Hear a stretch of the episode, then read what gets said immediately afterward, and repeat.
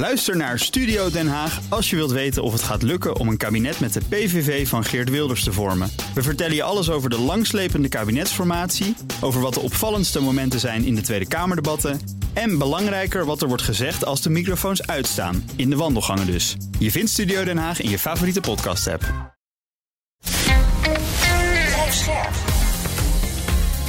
BNR Nieuwsradio. Boekenstein en de Wijk.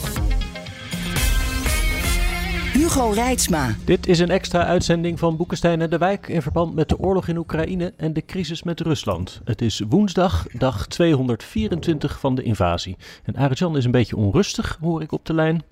Wat, wat is er aan de hand? Nou ja, er is van alles aan de hand. Uh, laat ik even op de grond beginnen.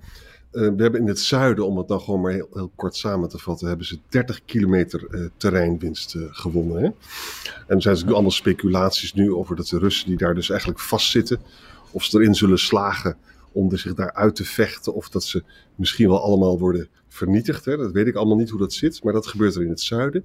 In het noorden is het gewoon hetzelfde. Er wordt nog wel steeds voortgang gemaakt. En wat heel spannend is, er zijn dinsdag bij Odessa dus Iraanse droneaanvallen geweest, maar nu ook in een voorstad van Kiev, ja. Bilatserva. Er kan nergens vinden wat de schade daarvan was. Maar leuk is het natuurlijk niet. Hè? Rob zei ook al een paar weken geleden, die Iraanse drones, dat is een vervelend punt. Ja, dat is echt vervelend, ja. En daar, en daar kunnen de Oekraïners ook niet zoveel mee, hoewel ze wel zeggen dat ze er een aantal uit de lucht uh, halen. Ja, ik zag ergens genoemd dat er één gewonde zou zijn. Of je dat moet geloven, weet ik niet. Want het schijnt dat het uh, barakken waren, waar dus uh, soldaten sliepen, was s'nachts. Dus okay. ja, dat, ja. ja waar, waar wel continue berichten over zijn, dat is ook wel echt interessant. is dat Overal waar dus die Oekraïners binnenkomen, binnentrekken, dat is totaal verwoest. Hè? Dat is echt ja. helemaal met de grond uh, gelijk uh, gemaakt. En, hm. en, wat je ook ziet, is dat heel veel inwoners gewoon allemaal gevlucht zijn. Hè? Dus ja. de, de Oekraïners, die waren gedeeltelijk al gevlucht, om maar zo te zeggen. En de Russisch-taligen, die zijn dus nu aan het vluchten naar het oosten. Ja. En de grote vraag is natuurlijk ook, wat gaat er nou allemaal met die collaborateurs uh, uh, gebeuren? En uh, Zelensky heeft gezegd, nou ja, wij zullen iedereen netjes behandelen. Maar dat begint dus natuurlijk nu wel een, een discussie te worden. Hoe ga je om ja. met mensen die gewoon aan de verkeerde kant staan? Dat is natuurlijk hetzelfde als wat wij hadden in, in, na de Tweede Wereldoorlog.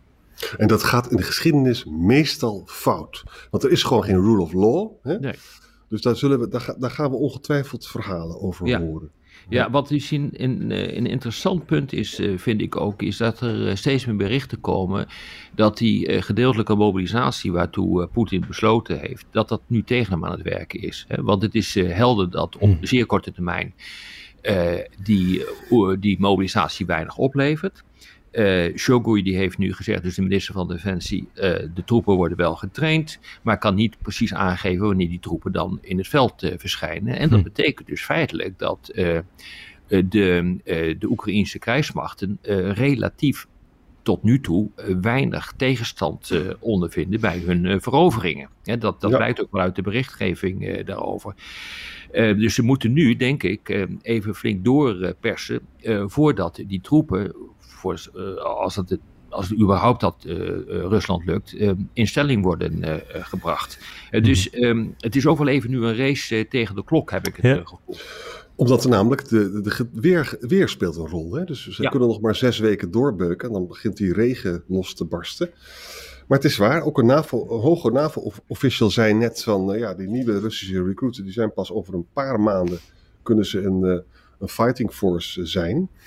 Dus de Oekraïners moeten nu zo snel mogelijk dingen doen. Door maar ja, ja. Maar, maar ja. dat is ja. natuurlijk allemaal niet zo makkelijk. Nou ja, en wat je dus nu ziet, en dat vind ik ook echt heel erg interessant hoor, is dat uh, die uh, gedeeltelijke mobilisatie en het onvermogen om uh, nu door te pakken in Oekraïne begint nu Poetin tegen te werken. Hè? Ja. En we hebben het al eerder al gehad over de baas van Wagner, hè? dat is die, die private military company die troepen levert aan, aan de oorlog. Progozhin is dat, de baas daarvan. Maar ook uh, Kadirov, um, de, de leider, die dus enorme kritiek uitoefende feitelijk op, op de commandanten van Poetin, maar daarmee indirect uh, op Poetin en daarmee mm. feitelijk mm -hmm. ook zijn positie ondermijnen. En dat zien we dus nu verder doorcijpelen in die mailbloggers, die ook steeds kritischer aan het worden is. Dus er is toch wel sprake van ja, een zekere mate van, nou ja, paniek zou ik het niet willen noemen, maar toch van wie krijgt nou de Zwarte Piet toegeschoven. Ja. Ja, Amerika heeft aangekondigd dus nog vier, meer, vier extra HIMARS te leveren. Er, waren er al 16 hè? en 1605 mm houwitsers. En er komen ook dingen uit andere landen, staat er dan. Ja. Welke landen dat zijn, weet ik niet. Ja, het Verenigd Koninkrijk uh, heb ik hier nu ook in het. Uh, hier, ik ben in het Verenigd Koninkrijk op dit ogenblik ook gehoord. Die kan ook nog wel het een en ander leveren aan lange afstandswapens. Maar ik, ik weet niet, misschien weet je dat, uh, Arend Jan. Die vier HIMARS die nu geleverd worden. Komen die nou uit de bestaande arsenalen van Amerika? Ja, of worden die opnieuw gebouwd? Ja, die komen dus uit het, uh, zeg maar de magazijnen van het Pentagon. Oké, dat is heel interessant, want uh, er uh, was een eerder bericht dat na de levering van de 16e, 16 HIMARS de Amerikanen hebben gezegd, dat nou is wel welletjes, nu gaan wij ze aanbesteden, dus dan worden, worden ze bij Lockheed Martin opnieuw gemaakt. Ja, ja. Kost twee jaar. Uh, ja, dat kost uh, twee jaar, maar kennelijk uh, hebben ze er nog wat ehm, achter de prullenbakken gevonden die ze toch kunnen inzetten, te, kunnen, kunnen leveren. En het probleem is niet zozeer al die, die, die, die wapensystemen, die HIMARS, het is de raketten. Uh, die er vanaf worden uh, geschoten. Daar hebben ze er gewoon te weinig van, de Amerikanen. En het gaat gewoon te hard. Dus als ze er 100 leveren, dan zijn ze zo door een voorraden munitie heen. Was trouwens hier, hè, ook in het Verenigd Koninkrijk, waar we nu zitten discussiëren over Oekraïne, maar ook wat de, wat de gevolgen zijn voor de toekomstige inrichting van onze krijgsmachten. Echt een geweldig probleem, want overal zijn de munitievoorraden, die zijn gewoon te klein.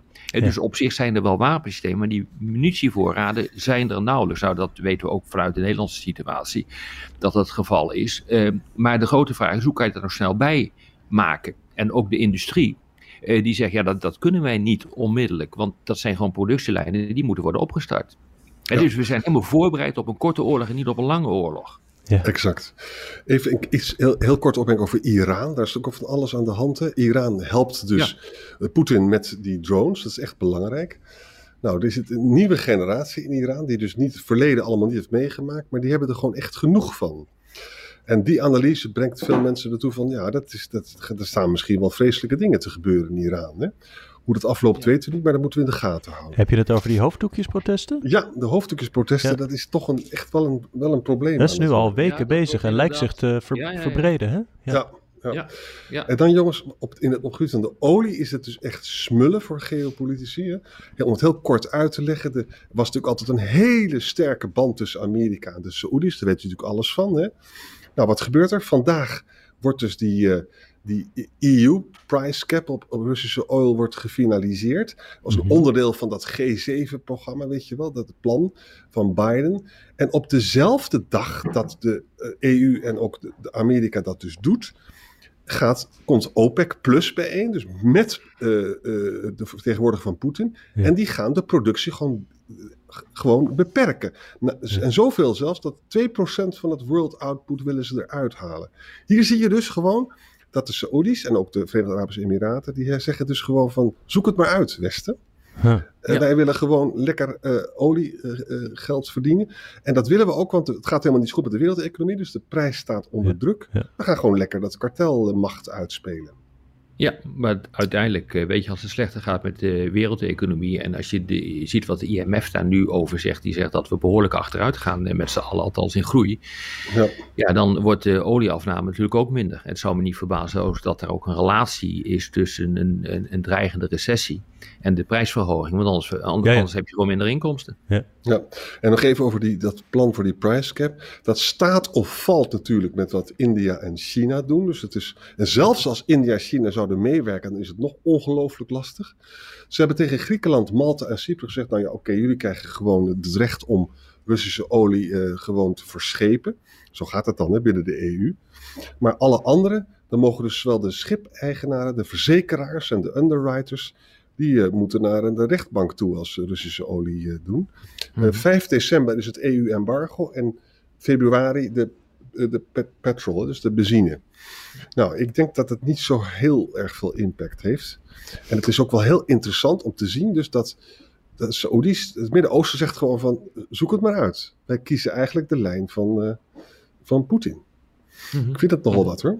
Ja, ja. Nou ja, wat dit, uh, Poetin slaagt er al aardig in, ook uh, China trouwens, om dit toch tot een strijd te maken tussen, ja, tussen het Westen en de rest van de wereld. En ja, ja dat, daar moeten we toch wel even aan wennen dat dat zo is. Exact, exact. Zullen we dan maar voor uh, morgen verder gaan? ja, ja ik zit nog heel eventjes te denken, omdat Arjan jij begon over Iran. En een twitteraar die uh, stuurde me een berichtje van uh, geweldige podcast, dank. Maar let ook bijvoorbeeld op wat er in China allemaal gebeurt. Want op het moment dat de wereld niet oplet, gebeuren er de vreemdste dingen. Het COVID-beleid is rampzalig. Ja. ja. Xi staat onder enorme druk. Hij is ook niet in staat kennelijk om dat rampzalige COVID-beleid bij te stellen. Ja. Nee jongens, de... Het gaat niet goed in China. Er kan daar van alles uh, gebeuren. Nou ja, wat dacht je van Noord-Korea, die het behaagd ja. heeft oh, ja. om uh, raketten over Japan heen te schieten? En ik bedoel, mensen in Japan moesten dekking zoeken, althans die opdracht kregen. Want dat ding kon natuurlijk ook neerkomen op, op, op, ja, op Japan zelf. Maar met die raketten kan bijvoorbeeld over Guam worden bereikt. En dat is een hele belangrijke Amerikaanse basis. Dus ik, ik, kijk, uh, je moet je dus realiseren dat Noord-Korea een land is dat ongehoord onder sancties uh, uh, zwicht. Mm-hmm. En tegelijkertijd zijn ze in staat om raketten af te schieten ja. over Japan. En zo nodig ook op Guam, waar de Amerikaanse bases ja. zitten. En vandaar dus dat er ook een vrij forse reactie is geweest. Maar ja, het is een reactie met een oefening voor de kust van, van Noord-Korea. Maar ja. dit is natuurlijk wel belangrijk. En ook iedere keer als je denkt over Oekraïne en Rusland, uh, toont dit aan uh, dat sancties heel veel effect hebben. Ze ja. maken een land economisch kapot. Maar ze kunnen ook die leiders gewoon doorgaan met hun gedrag en hun oorlogen die ze aan het voeren zijn. Ja. ja. Goed, dus tijdens de fixatie op Oekraïne vooral de rest van de wereld een beetje in de gaten blijven Zeker, houden. want er is natuurlijk een natuurlijke neiging uh, bij, bij leiders om uh, als de aandacht is afgeleid van Amerika uh, door de oorlog in Oekraïne, dan zie je dat leiders die ruimte pakken en rekeningen gaan vereffenen. Hè. Dat, dat, dat, zien we in Iran gebeuren met de levering van, van wapens aan, uh, aan, uh, aan Rusland. Maar dat ga je natuurlijk ook gewoon zien in China. Dat kan niet anders. En het zou me ook niet verbazen als er relatie is met die uh, laatste um, rakettesten van Noord-Korea. Ja, ja, goed. Het, dank voor vandaag, want je moet snel ja. door, Rob. Ja, tot morgen. Tot morgen. Ook Hugo Reitsma vind je in de BNR-app. Superhandig die BNR-app. Je kunt alle programma's live luisteren, breaking nieuwsmeldingen. Je blijft op de hoogte van het laatste zakelijke nieuws. En je vindt er alle BNR-podcasts, waaronder natuurlijk de belangrijkste, Boekenstein en de Wijk. Download nu de gratis BNR-app en blijf scherp.